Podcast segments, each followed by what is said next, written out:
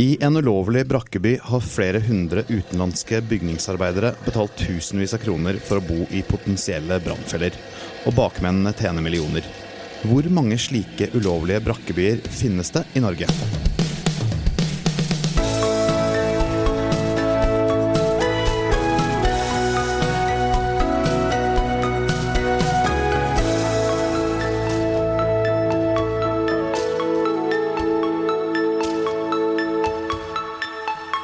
Over ett år så har TV 2 jobba med sin storsatsing på gravende journalistikk 'Norge bak fasaden', der journalistene Kadafi Saman og Janne Amble viser oss et annet bilde av Norge enn det glansbildet vi ofte blir presentert ellers.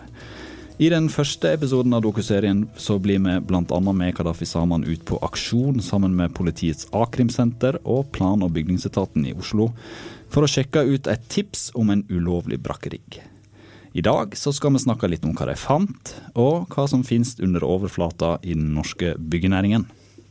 Vi har fått med oss to gjester i dag. Den ene er Kadafi Saman. Og den andre er Lars Mamen. Lars Marmen, du er i Fairplay Oslo. Fairplay Bygg Oslo omegn. Ja. Riktig. Og Kadafi Saman er TV 2-journalist. Og Kadafi, fortell oss litt om hva som møtte deg i Groruddalen. Nei, altså Det starta jo egentlig med at vi snakka med politiet og a-krimsenteret, som hadde fokus på arbeidslivskriminalitet. Og være med de ut på aksjoner og razziaer. Og så forsto vi det slik at de hadde tips om flere adresser. Så først var vi nede i sentrum. Noen steder var det napp, andre steder var det ikke. Så kjørte vi utover, altså mot Stovner. Og fra veien så så vi ikke denne, jeg vil si, brakkelandsbyen. Det var eh, 400 rom som plutselig da dukka opp eh, når man nærma seg. Men sånn fra utsida så var det ganske skjerma. Og jeg tror både brannvesenet og politiet og kommunen stussa. Bare jøss. For det første de sa, var at dette skulle jo ikke ha vært her. Eh, disse brakkene skulle ha vært fjerna for flere år siden. Og så ble vi med de inn, og det viste seg at eh, nesten alle rommene var bebodd. Brannslukningsapparatene var tomme. Eh, andre branntiltak var kutta av. Eh, det var nødutganger som var blokkert. Og det bodde eh, utenlandske arbeidere, mange fra Polen, og som viste oss inn på de små rommene, hadde bilder av familiene sine og betalte 5000 kroner i måneden.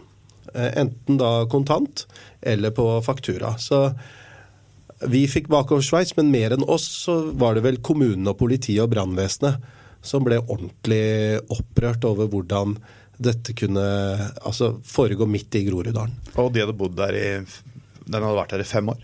Ja, altså den hadde vært der før òg, men den siste tillatelsen, midlertidige tillatelsen, hadde gått ut fem år eh, tidligere. Og de som bodde der, vi spurte de, vet dere at det ikke er lov å bo her? Det visste jo ikke de. Og de fortalte også at uh, mange av de selskapene de jobba for, altså ordentlig seriøse selskap, uh, hadde anbefalt at der finner du iallfall tak over hodet eller et sted å bo. Uh, så vi gikk rundt, og det som gjorde kanskje sterkest inntrykk, var å se barneleker, akebrett og, og ting som tyda på at det også da bodde barnefamilier i disse ulovlige brakkene. Hvor, uh, over, du sier at du, du ble overraska, og politiet og uh, Oslo kommune fikk seg en liten overraskelse òg. Du har jobba med mange tunge saker innenfor norsk kriminalitet. Hvor, hvor, alvorlig er dette her oppi det bildet? Nei, altså Jeg har jo tenkt mye på det i ettertid. Hvorfor har vi ikke lagd mer saker på nettopp denne type kriminalitet? For det, det er jo det det er. Det koster velferdssamfunnet masse penger. Eh, seriøse aktører blir skvisa ut. De vinner ikke anbud. Eh, og, de kriminelle vinner på det. Man får tvangsmulkter som er i kanskje 100 000-klassen, mens inntektene er i millionklassen. Så man tjener egentlig på å ikke betale eh, tvangsmulkter.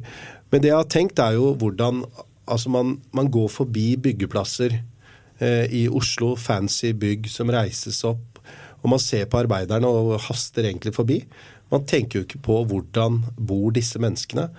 Og med disse aksjonene som vi da var sammen med a-krimsenteret, så var det, det var mye sykt. Jeg husker vi var innom et industribygg som var regulert til da å være et kållager. Det var det iallfall kommunen trodde når de kom inn. Og så var det da omgjort til masse rom, brannfarlige rom, hvor det bodde polske arbeidere. Og sånn var det flere steder. Rivningsklare hus som burde ha vært revet for lengst. Hvor de da oppdaga masse madrasser og arbeidere. Så det var egentlig en litt sånn wake-up call også for meg, tenker jeg, som da har jobba mye med krim i nesten 20 år. Å se en side av, av byen og Norge som man vanligvis ikke ser, da. Lars, du har jobba mye med det her, du òg. Blei du overraska over det du så? Nei, det kan jeg jo ikke si. Jeg så programmet ditt eh, her forrige dagen. Eh, eh, vi blir ikke overraska, og jeg syns ikke egentlig det står til truende hvis folk i byggebransjen sier at de blir overraska over dette, her, for dette burde de visst. Hvis de hadde tatt seg bryet med å prate med disse arbeidsfolka som de har på byggeplassene sine.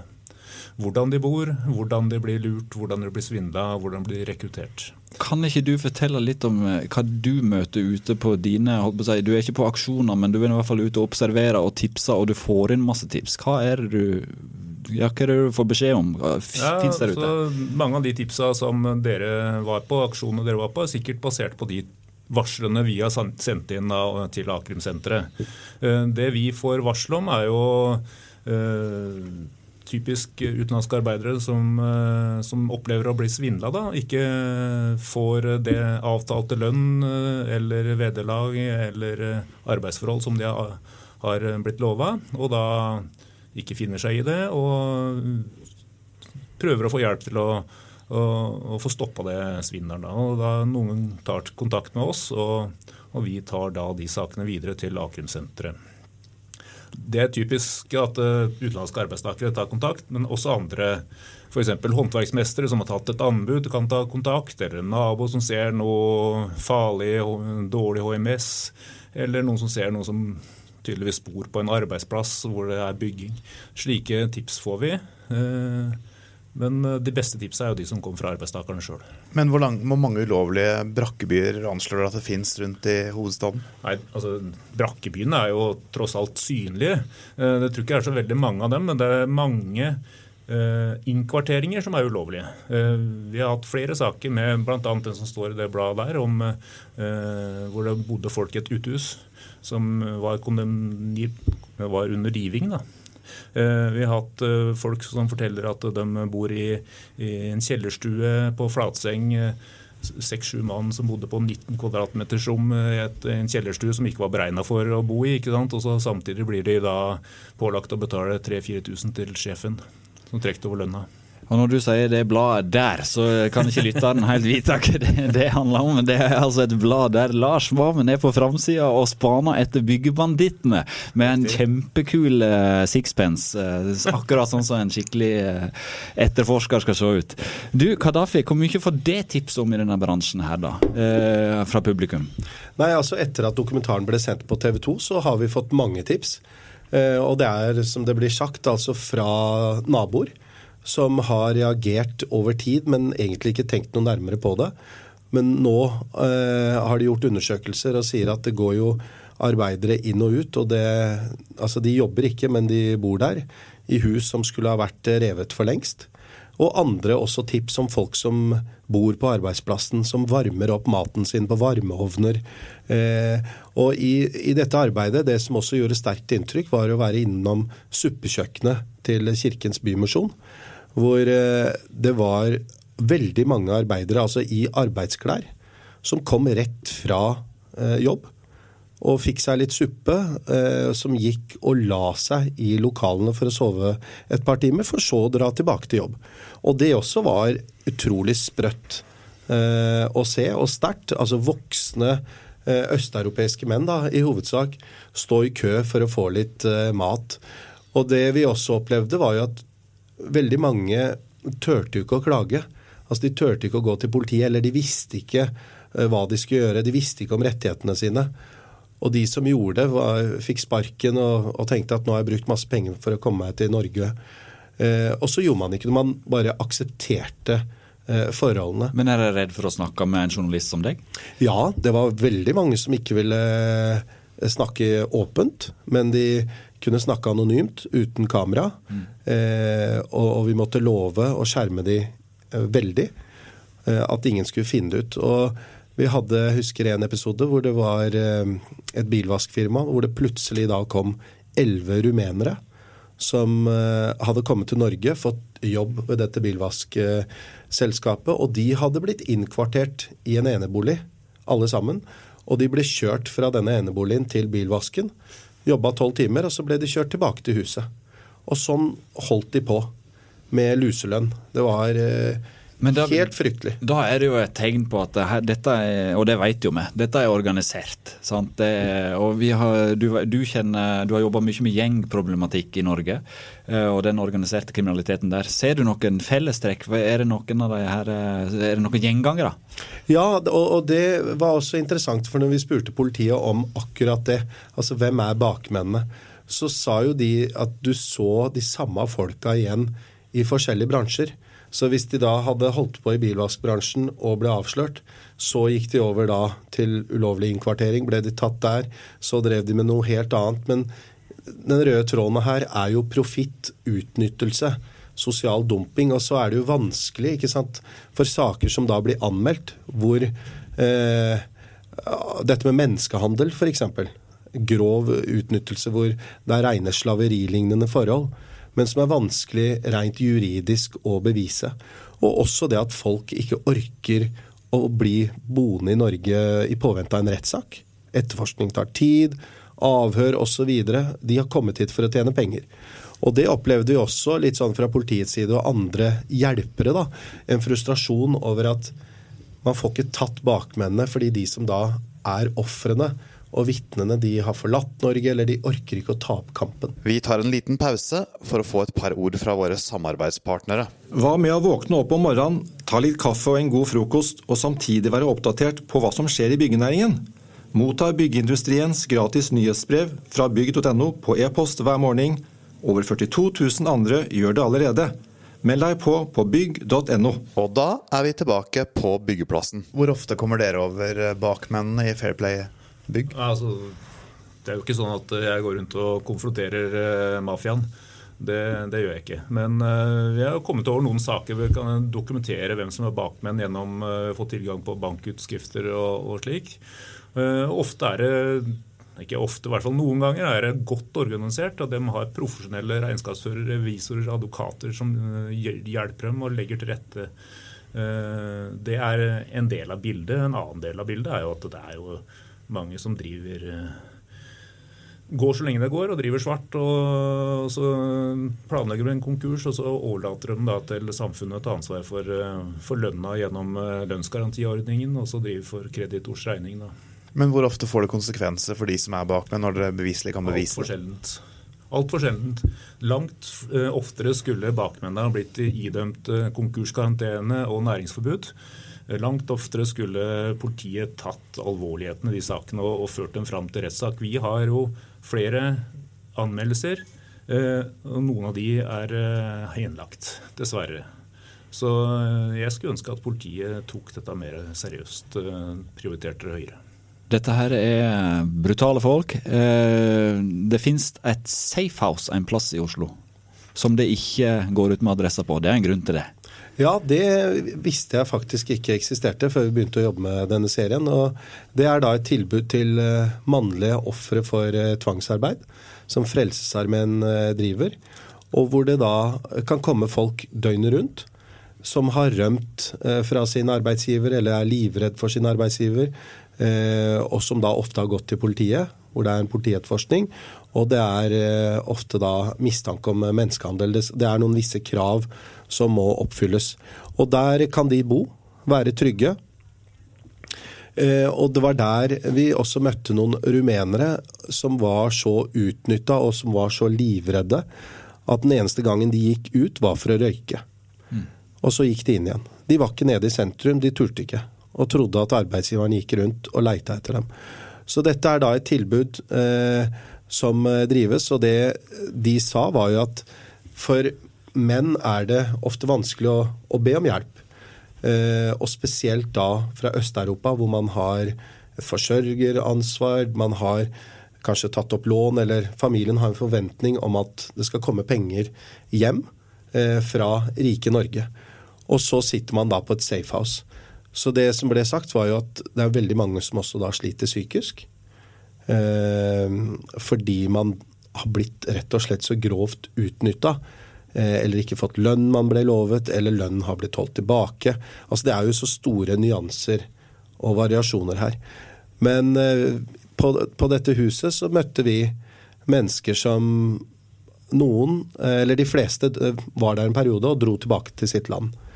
Mens noen valgte å bli, i håp om at da skulle bli en etterforskning, at det skulle bli en siktelse, tiltale og kanskje dom.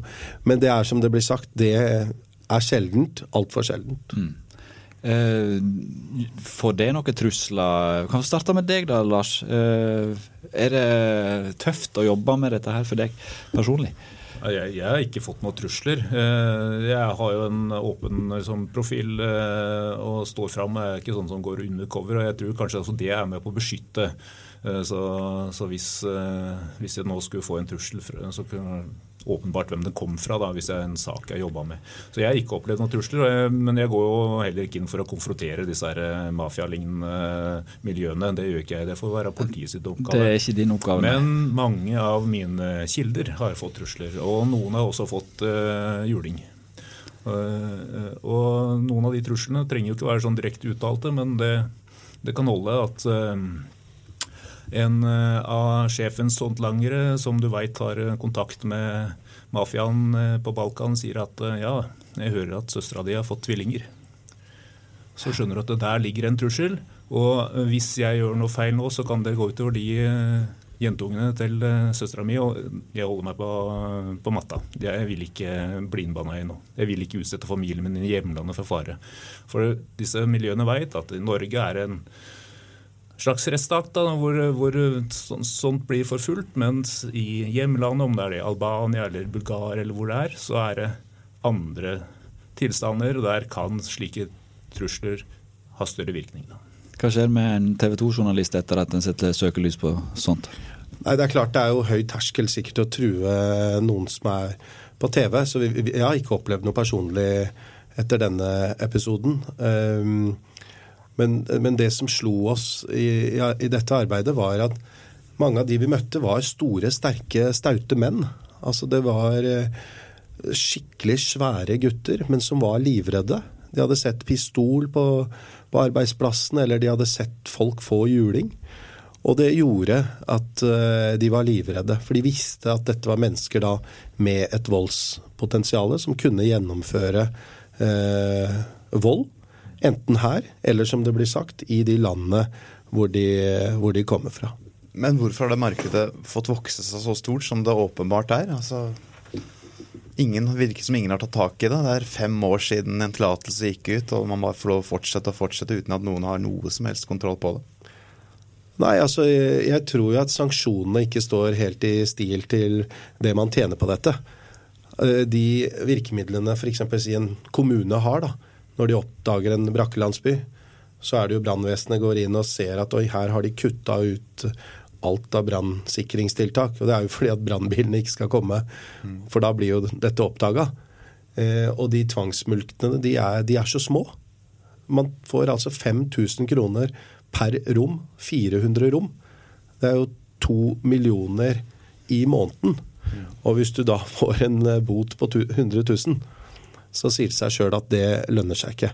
Så det å kanskje skru opp eh, de bøtene, eller mulktene, det er jo ett virkemiddel.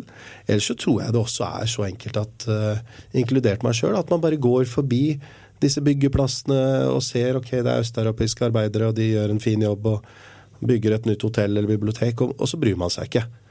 Man haster til jobb. Og noen bruker de. Hvem er det som bruker de, Lars? Hvem er det som bruker alle disse arbeiderne og anbefaler å bo steder man tydeligvis ikke vet hvor er? Nei, Det var det jeg skulle til å si. Altså, det holder ikke å si at myndighetene må ta ansvaret her. Er de som er kundene av disse også et helt tydelig ansvar. Som du sier, så er jo mange av de arbeidsfolka som bor på denne brakkelandsbyen, anbefalt av sine arbeidsgivere eller kundene eh, til å ta kontakt der. og Jeg syns jo ikke at eh, folk skal akseptere doble standarder. Er det greit at en eh, fra Øst-Europa og er bygningsarbeider at han bor i brannfelle? Ville du sjøl bodd i brannfelle? Hvorfor skal vi ha to forskjellige standarder på en fra Øst-Europa og en fra, fra, Norge? Det er jo diskriminering. Jeg syns ikke vi skal tillate det der. Men det er blitt en holdning i byggebransjen og andre bransjer at ja, for østeuropeiske arbeidsfolk så kan vi akseptere en lavere standard. Og det er en, eh, en økonomi i det. Eh, og det betyr jo at da kan vi kjøpe inn disse billigere, de kan bo billigere. De, ja, vi presser prisene ned. Og det er jo bransjen sjøl som er med å drive fram. Det er jo en farlig, farlig utvikling. Men eh, som Kristian var inne på her, du lurer litt på når er det dette her begynte for alvor? Det er jo lett å se tilbake til Schengen og utvidelsen der, kanskje. Nei, altså, det har jo vært uh, svart arbeid i Norge i all, uh, all tid. Så jeg, ikke, jeg, skal, jeg, vil ikke skylde på at det er pga. Uh, østutvidelsen eller skylde på EØS eller sånne lettvinte forklaringer. Det, det, er, det holder ikke. Selvsagt har det blitt en massivt økt tilbud av østeuropeisk arbeidskraft pga. østutvidelse av EU. Det er åpenbart. Men det er jo det er jo markedet som kjøper disse tjenestene, som lukker en øya for disse forholdene. De burde vite at den brakkelandsbyen var så dårlig når de anbefaler folk å gå dit. Eh, men de har ikke undersøkt. De bare lukker øynene og later som de ikke veit det. Ja, for hvis det er for godt til å være sant, så er det som regel det. Det er vel som regel sånn. Du, jeg lurer på, eh, Kadafi. Du sa jo at de har skrevet, eller gjort lite på dette kanskje før. Kommer vi nå til å merke noen endring der i dekningen av den norske byggebransjen og eh, framover? Ja da, det eh, skal jeg love deg. og For egen del så kommer jeg til å se mer på det. Jeg kommer til å være mer obs. Og allerede så har vi fått mer tips.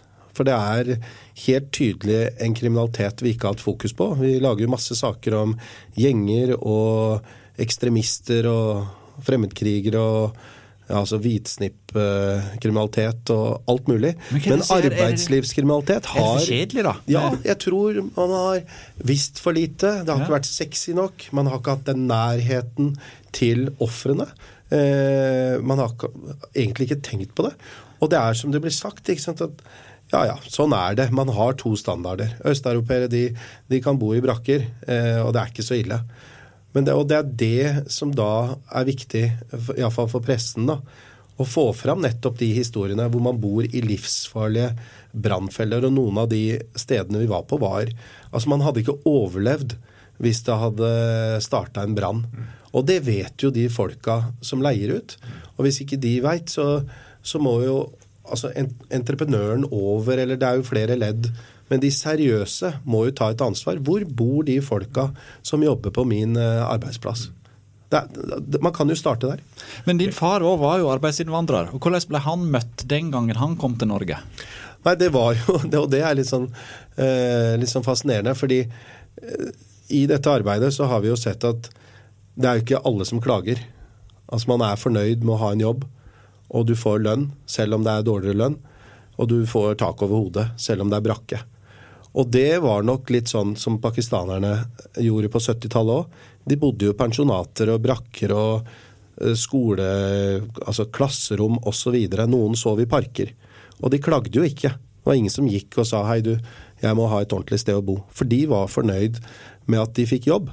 Enten det var Nora fabrikk eller oppvasken eller hvor det var. Så kom de for å jobbe. Og det tror jeg er litt av den mentaliteten hos mange av de som kommer. Eh, at man vet kanskje at man blir utnytta. At det er ikke sånn det skal være, men man aksepterer, ja, aksepterer det på en måte. Hvis jeg sier fra, da mister jeg kanskje jobben, må jeg dra fra Norge. Og da er det jo viktig ikke sant, at det er folk som går rundt og, og forteller vet du, at dette er, sånn vi, det er ikke sånn det skal være. Da er det jo kjempeviktig at eh, program som, eh, som, det du eh, og Janne Amble lager nå, setter fokus på det. Så får vi håpe at andre journalister i tillegg til byggeindustrien setter, setter fokus på det framover. Vi, vi, hadde en liten sånn bekjennelse til Lars før vi satte i gang. at det, Vi vet jo om dette her. Vi skriver om det med jevne mellomrom. Men vi, vi skriver ikke om det hele tiden heller. Vi kan jo absolutt bli bedre med og i fagpressa på å ta tak i disse tinga. Og derfor snakker vi med dere her i dag. Så eh, jeg tror vi setter strek der. Eh, takker Kadafi Saman for eh, besøket. Lars Mamen, hyggelig at du kom. Kristian Aarhus eh, har vært programleder sammen med meg, Frode Aga. Eh, og så håper vi at eh, du snart klikker deg inn igjen og hører på en ny episode av Byggeplassen når den er klar.